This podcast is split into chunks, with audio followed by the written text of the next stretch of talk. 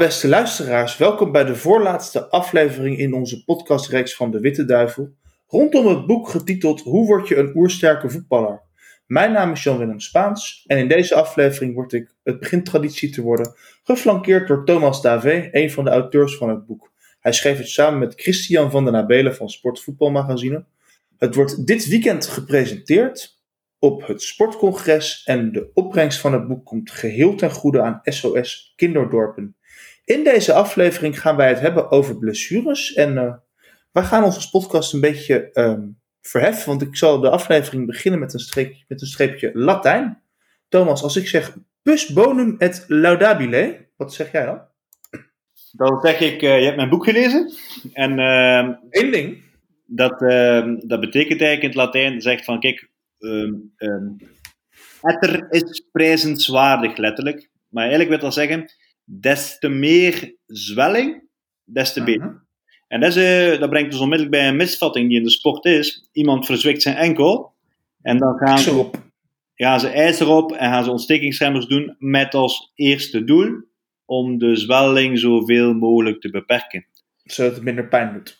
Zodat het minder pijn doet en dat er minder zwelling is. Maar de vraag is of dat de evolutie geen beter plan heeft. Of dat, de, of dat bij een, een goede wondheling die, mm -hmm. die zwelling en die initiële schade en die initiële pijn niet hoort bij, bij, bij het plan dat de evolutie bedacht heeft om alles goed af te ronden. Kijk, als ik pijn heb, dan informeer ik mijn hersenen dat er iets aan de hand is. En dan kunnen de hersenen daar een gecoördineerde reactie op verzinnen om, uh, om die pijn en de schade zo snel mogelijk op te lossen.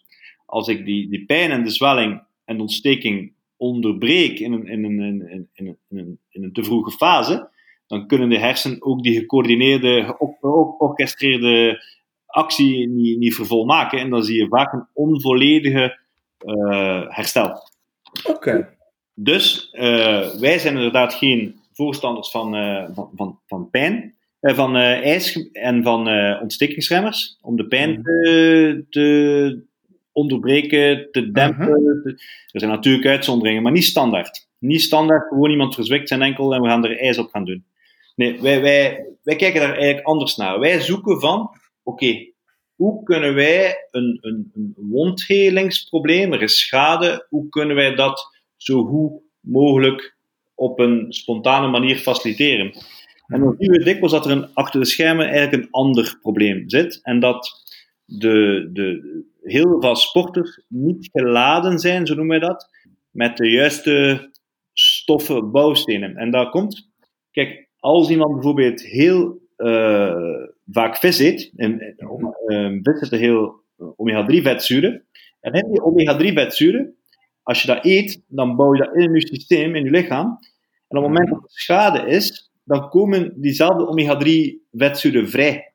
En, en die omega-3 vetzuren, die bevatten wat wij noemen een stopsignalen. Dat zijn, dat zijn stoffen die de ontsteking op een goede manier uitzetten. Maar natuurlijk, als je niet de gewoonte hebt om, om, om vis te eten, dan ben je niet geladen met die stoffen. En op het moment dat je dan schade hebt, dan, dan, dan kan die oplossingsreactie uh, niet gaan plaatsvinden. Dus eigenlijk zou iedere voetbalploeg van enig niveau met regelmatig vis op het menu moeten zetten. Ja, absoluut. absoluut. Uh, kijk. Uh, en om in moderne termen te spreken, wat zou u adviseren voor um, voetballers die hier een veganistische levenswijze op nahouden? Wij, wij, wij hebben natuurlijk respect voor, voor iedereen. Uh uh, maar en je moet kijken, want, want, want wij, wij zijn een ondersteuning van, van voetballers en, en niet belangrijker dan de voetballer zelf. Dus je moet altijd het individu voor, voor ogen houden. Maar wij hebben een, een, een, een, een visie waar we Mhm. kijken met evolutionair standpunt. En dan kijken we dat, dat Homo sapiens uh, slim geworden is. Sapiens betekent slim, hè? Je was toch uh, in het Latijn begonnen, deze podcast. Ja, ja, we gaan ons best doen. En, uh, en, en dan zie je dat, dat Homo sapiens, sapiens slim geworden is door het innemen van marine-based food. Dus, dus okay. zaken uit de zee. Vis en kleine schaaldieren en groenten uit uh, zeekraal, uh, algen, zeewier die rijk zijn aan jodium. Die zaken zijn noodzakelijk om, om, een, om een goed functionerend stel hersenen te beschikken. En een plantaardig alternatief bestaat niet. Wat zeg je? Een plantaardig alternatief, dat bestaat niet. Voor, voor ons niet. Voor ons, uh, Oké. om, alles af, Nee, om, om, om, alles, om alles af te dekken, eh, van, van eh, selenium en, en, en, en zink en, en een aantal mineralen en spoorelementen die erin zitten, dan, eh, dan heeft marine-based food iets dat andere zaken, andere voedingsmiddelen niet hebben. Duidelijk. Wij adviseren het wel om marine-based food een belangrijk onderdeel te laten zijn van lifestyle. Mhm. We hebben een aantal, we hebben een aantal adviezen. En Mhm. één, één is zo, zo divers mogelijk planten eten. Zo, Mhm. eh, een honderdtal verschillende planten per maand. En hoe meer dat je er in de buurt komt, hoe beter. En dan eh, een kilogram eh, ja, vlees, maar vlees afkomstig uit gevogelte eh, vooral. En dan. 1 kilogram marine-based life, dus, dus vis- en schaaldieren per maand. Per week, per week, sorry. Mhm. En, ehm, en, en 12 eieren. Dus eh, ik zou die veganisten ook dan eh, vragen van, eh, ja, hoe zit je te- tegenover eieren? En ehm, daar kan je al een en ander mee compenseren, maar niet all the way wat je uit vis zou kunnen halen. Duidelijk. Dus eigenlijk is het eten van vis cruciaal vanwege de omega-zuren die de ontsteking op een goede manier een halt toeroepen. Je hebt het goed begrepen. Je hebt het goed begrepen. Dat is niet slecht. Ehm, maar voetballers eten niet overdreven veel vis. Ehm, Nee, voetballers zijn dan ook dikwijls eh, geblesseerd. Kijk, en is dat dan, ja, is dat dan misschien wel vaker de schuld van de, nou, de schuld, of in ieder geval iets waar een voetballer iets aan kan verhinderen dan we zouden willen denken? Maar kijk, we even uitzoomen. Het gaat erom, het gaat erom ehm, om, om, om te kijken naar ehm, onze, onze visie op, op, op blessures en eh, over gezondheid. En dan gaat het om van, kijk, wat activeert het immuunsysteem? Normaal gezien is het immuunsysteem een, een systeem dat, dat op, bij, uitzondering, bij uitzondering van momenten zoals griep eh, rustig zou moeten zijn. En eh, in, in een soort waakmodus zijn en niet actief. En dan zien we dat onze, onze, onze levensstijl ehm, en de verschillende risicofactoren die, die we deze week ook besproken hebben, ertoe leiden dat het, dat het immuunsysteem niet eh, zoals bij griep acuut actief is, maar chronisch actief. En dat zijn eigenlijk allemaal al die risicofactoren van lifestyle samen, die zorgen voor een activatie van uw immuunsysteem. Dat ga ik straks uitleggen. En als dat zo is, dan speelt dat energie van, van, eh, van eh, bepaalde organen die belangrijk zijn om te voetballen, zoals spieren. Bijvoorbeeld, iemand heeft een, eh, een sluimerende tandvleesontsteking. Ik, ga daar straks over spreken. Bijna 8 op de 10 voetballers heeft een, één of meerdere bloedend tandvlees. En dan zie je dat, dat, dat, dat, die, dat de bloedend tandvlees leidt tot, tot bacteriën die in de mond, maar die bacteriën die reizen. En die, en die bacteriën die reizen doorheen je lichaam. En die reizen bijvoorbeeld naar je onderrug. En als die in je onderrug aankomen, dan, eh, dan eh, kunnen die daar tot schade leiden. En kunnen die bijvoorbeeld eh, leiden tot blessures aan de hamstrings. Zodat de hamstrings bezenuwd worden vanuit, vanuit uit de onderrug. En zo zie je dat er heel wat lifestyle factoren zijn. Dus het is niet één factor, maar bijvoorbeeld te veel eten van vlees Mhm. te, wei- te weinig eten van vis, te veel zitten, ontsteking in de mond, zes keer per dag eten. Ehm, al die factoren samen leiden tot een, een, een, een, wat wij noemen een chronische activatie van het immuunsysteem. Al die zaken activeren het immuunsysteem een klein beetje. En, en dan zie je dat het immuunsysteem niet meer tot rust komt. En dan gaat het energie weghalen van andere zaken. Dus je krijgt als het ware spierafbraak om je immuunsysteem te kunnen blijven voeden. En, eh, Dat is niet de bedoeling. dat is niet de bedoeling, dat is niet de bedoeling. Maar je merkt het wel. Kijk, stel dat je bijvoorbeeld eh, griep hebt. En dan eh, de volgende dag ga je de trap op. En, de- en dan, dan, dan voel je het best nog een paar dagen dat er wat spieren afgebroken zijn. En dat is een acuut voorbeeld en daar is het wel normaal. Maar als het, als het chronisch is, laaggradig, door het leven op zich, dan merk je dat niet zo duidelijk. Dan, zie je, dan, dan krijgt, krijgen, worden die spieren een beetje afgebroken. Maar dan merk je het maar bij, een- bij een sprint dat je, dat je een hamstring hebt. Maar, maar ik heb nog geen eh Hadzabe gezien. Hadzabe is eh, de jager-verzamelaars waar ik het gisteren over had, over had in Tanzania. Mhm. Ik heb nog geen ene Hadzabe gezien die over de savanne aan het sprinten was, die, eh, die een hamstringletsel had. Snap je? Dus ergens moet er, eigenlijk moeten we iets, zo doen dat er, ehm, dat, eh, ik vind een mooie uitspraak, in the absence of trauma, dus zonder dat er uh, sprake is van een directe uh, hoofd-hoofdcontact of zo, in the absence of trauma, the body deteriorates from the inside out. Dus heel wat atleten zijn eigenlijk als het ware een beetje rot binnenin door verschillende factoren. Die, die als je een, een, een film zou maken van een leven, zou je de verschillende risicofactoren kunnen in kaart brengen die daartoe verantwoordelijk zijn. Duidelijk.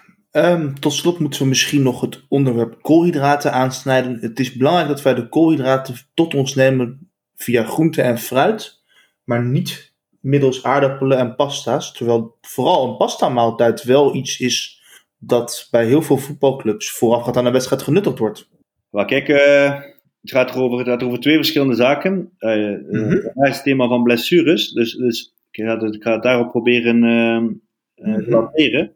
Kijk, ja. dan, uh, dan, dan zie je dat een, uh, een maaltijd, elke maaltijd, kan leiden tot ontsteking of kan juist leiden tot immunologische rust. Dus tot anti-ontsteking zijn, anti-inflammatoire. En dan uh, zien we gewoon dat, dat, dat, dat aardappelen, pasta, rijst, brood, dat dat eigenlijk pro-inflammatoire middelen zijn. Dus dat die leiden tot uh, verhoogde uh, ontstekingsactiviteit in de darmen. En dat kost energie. Mm -hmm. Dus stel je dat je dat, dat, je dat, dat je dat neemt voor de wedstrijd, dan, dan krijg je een milde vorm van, van, van, van, van ontsteking in je darmen. Maar dan krijg je ook, ja, als het immuunsysteem actief is in je darmen, ja, dan gaat het lopen met de energie die, die, die bestemd was voor je hersenen. Dan kom je dus niet zo fris op het veld als dat je zou, zou willen. En als je niet zo fris op het veld staat als je zou, als, als zou kunnen, ja, dan is je coördinatie wat minder goed en is de aansturing van je, van uw spieren en uw gewrichten uh, verstoord. Uh, mm. dus, en het tegenovergestelde is dus de, de, de, de, de echte koolhydraten die wij adviseren. Dat zijn koolhydraten die, die, die Homo sapiens al honderdduizenden jaren eet. Dat zijn knollen. En we noemen dat niet voor niets de, de vergeten groenten. Uh, pastinaak, koolrabi, uh, zoete aardappel hoort daar ook bij, uh, knolselder. En dat zijn voedingsmiddelen en die zijn juist anti-inflammatoire. Als je die eet, dan, dan, dan krijg je geen ontstekingsactiviteit. Krijg je juist rust. Als je die eet voor, voor, de, voor de wedstrijd, als je daar bijvoorbeeld een, een, soep of een puree van maakt, dan gaan die niet zo, gaat de maaltijd niet zo gaan lopen met, uh, uh, met de energie en, en worden de hersenen dus, uh, krijgen de hersenen dus meer energie over. En dat is een van de belangrijkste adviezen voor de dag van de wedstrijd, is ervoor te zorgen dat uh, de laatste maaltijd de hersenen niet stoort.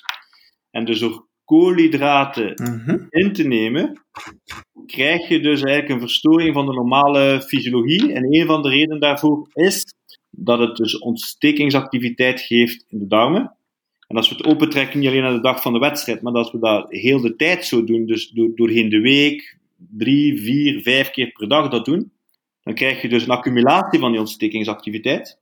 Omdat je elke maaltijd dat een beetje doet, en dan krijg je een, een verstoring van de bloedsuikerspiegel. We hebben dat gezien bij eigen onderzoek bij West Ham United. We hebben gezien dat 30% van de, van de voetballers zo'n verstoorde bloedsuikerspiegel uh, heeft. En, en wow.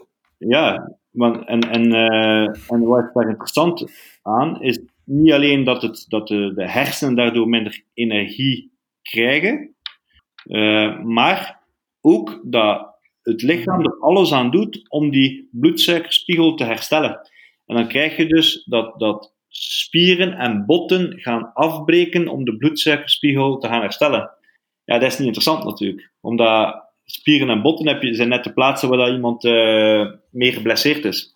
Uh, waar dat de voetballers geblesseerd door zijn. Maar als je moet anders gaan kijken, je kunt zeggen, ik zie dikwijls in de pers zo woorden zoals uh, pech en, en toeval, maar ik geloof daar helemaal niet in. Dus wij kijken eigenlijk naar, oké, als er zeker als er sprake is van zo'n non-contact blessure, iemand heeft een, uh, aan het sprinten en, en uh, heeft een hamstring of hij verdraait zijn knie zonder dat er iemand aan de aan, aan, in de buurt is, dan, dan vragen wij ons eigenlijk af van, ja, hoe zit het met de status van de body binnenin? En dan zie je dus, wat ik er juist verteld heb, dat al die risicofactoren die in de film van iemand zijn leven kan zien, hoeveel koolhydraten dat hij eet, hoeveel aantal keren dat hij dat eet, hoeveel vlees dat hij eet, hoeveel hij zit, hoeveel stress dat hij heeft, dat met zijn tandhygiëne is, al die zaken samen verstoren de bloedsuikerspiegel, verstoren het immuunsysteem Mhm. En leiden tot, tot, eh, tot een toestand dat wij noemen low-grade inflammation. En dan zie je dat andere weefsels, dat we in het Engels noemen disposable worden, opgeofferd zullen worden, waardoor dat ze veel vatbaarder zijn voor, eh, voor blessures. Duidelijk. Ehm, om even af te sluiten is dit weekend natuurlijk het weekend dat de Rode Duivels hun achtste finale partij spelen. En het is wel aardig- aardig om mee te geven dat om eh, überhaupt het systeem van voedselverwerking niet in gang te zetten, Roberto Martinez, de bondscoach, slaat zijn maaltijd voor een wedstrijd gewoon over. Yes, is Dat is ook een oplossing. Ja, dat is interessant. Dus eh Martinez verklaart dat hij eigenlijk altijd empty stomach eh, de, de wedstrijd coacht. eh, omdat hij dan meer energie in zijn hoofd heeft. En eigenlijk zou hij uitbreiding moeten vinden naar alle spelers. Duidelijk. Oké, in dat geval denk ik dat ook deze zesde aflevering weer tot een goed en tevredenstellend einde is gebracht. Waarvoor ik eh, Thomas Davé van harte dank voor het eh, delen van zijn kennis. En u van harte dank voor het luisteren daarnaar. Ik wens u allen nog een prettige dag en hoop bij de volgende aflevering opnieuw te mogen begroeten.